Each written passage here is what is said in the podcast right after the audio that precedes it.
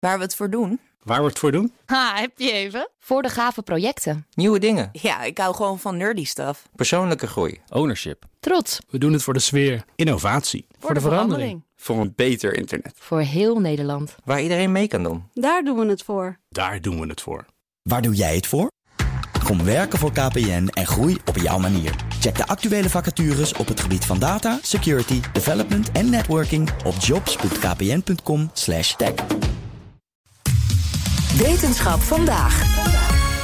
Voordat een zwart gat iets volledig opgeslokt, wordt het eerst uitgerekt tot een soort ronddraaiende spaghetti-sliert. Astronomen denken nu voor het eerst bewijs te hebben gezien van deze zogenaamde spaghettificatie van een ster. We gaan het erover hebben met wetenschapsredacteur Carlijn Meiners. Carlijn, ik dacht heel even dat we een nieuwe kookrubriek hadden. Ja, dat snap ik. Eh, het klinkt als iets eh, eetbaars, maar spaghettificatie is niet eh, heel smakelijk.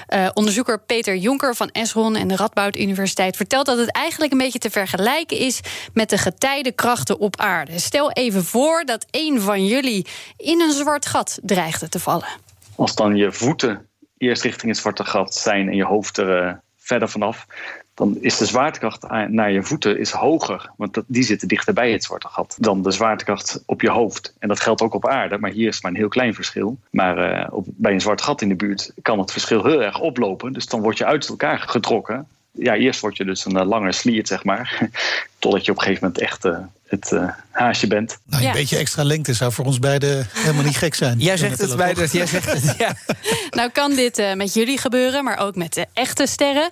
Als daarvan eh, één, één kant dichter bij het zwarte Zet die gat microfoon komt. maar uit. Sorry, ik pak hem even terug. Als- Als daarvan één kant dichter bij het zwarte gat komt en de zwaartekracht van de ster zelf is niet meer sterk genoeg om die hele boel bij elkaar te houden, dan kan zo'n ster dus ook worden uitgerekt tot een sliert. En hoe lang duurt dit proces helemaal, zeg maar? Die spaghettificatie? Dat verschilt. Dat ligt aan de grootte van de ster bijvoorbeeld, maar ook aan de grootte van het zwarte gat. Oh ja. En het kan nog zo zijn dat die sliert heel lang gewoon een beetje ronddraait. En dan gebeurt er eigenlijk niet zoveel. Maar je krijgt dus een, een heel netwerk van sporen. Eh, tenminste, ik stel het mezelf wel eens voor als, eh, als je op aarde staat en je ziet al die, eh, die condensatiesporen van vliegtuigen. Nou, dat eh, heb je hier zeg maar ook. Als je dan bij dat op het zwarte gat zou kunnen staan of daar in de buurt en omhoog zou kijken, zie je allemaal slierten van dat ster, oude stermateriaal boven je. Eh, maar totdat die slierten elkaar raken, eh, gebeurt er eigenlijk niet zoveel. En dat kan soms een jaar duren tussen de, het, het, het daadwerkelijk uiteentrekken van de ster en het naar beneden vallen van het materiaal.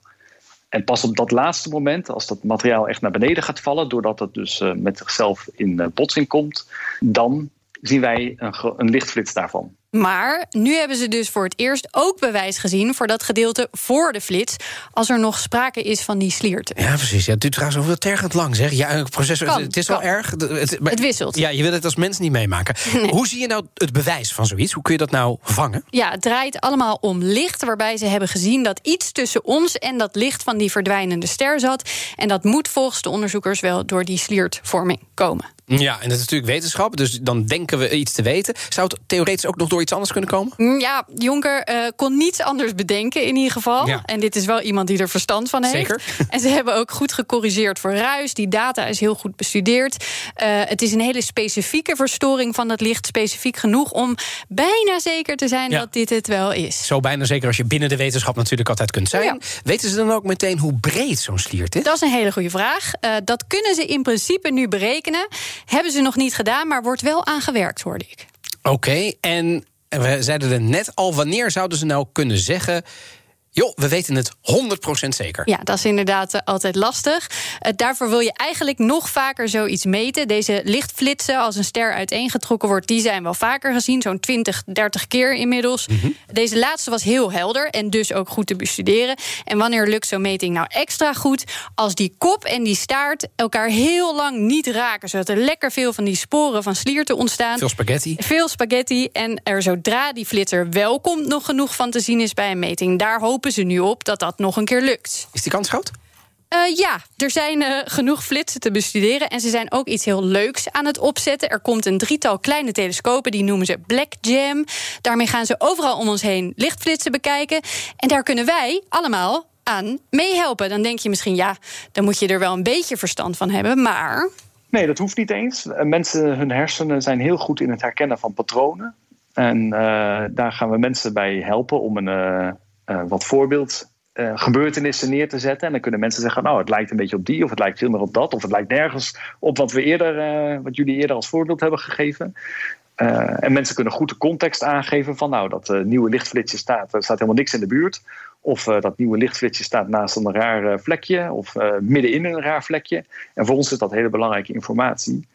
En we hebben niet genoeg menskracht eh, om dat met eh, professionals te doen. Maar dat hoeft dus ook niet, want eh, zeg maar gewone burgers, die, ja, iedereen kan dit in eerste instantie bekijken. Ja, leuk toch? Ik zal Hmm. zo even een linkje naar het project eh, op bnr.nl slash wetenschap vandaag zetten. Dan Ja. kan iedereen meedoen. Ja, ik, ik heb meteen iemand eh, op het oog. Mijn bovenbuurman die heeft een telescoop. Die bestudeert de ster. Dat is een hobbyist. Gaat ook naar de Waddeneilanden.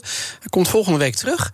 Ik denk dat we hier wel een goede aan hebben. Is het, eh, Ik denk, iemand met kennis is nog, misschien nog, Nog? wel net Ja, iets toch? beter Ja. dan dat wij het gaan dat is doen. helemaal maar- mooi.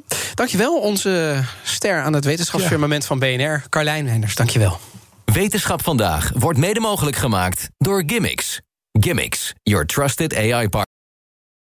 Ook Harm Edens vind je in de BNR-app. Je kunt BNR Duurzaam niet alleen live luisteren in de app, maar ook terugluisteren als podcast, zoals al onze podcasts. En naast dat de BNR-app Breaking News meldt, houden we je ook op de hoogte van het laatste zakelijke nieuws. Download nu de gratis BNR-app en blijf scherp.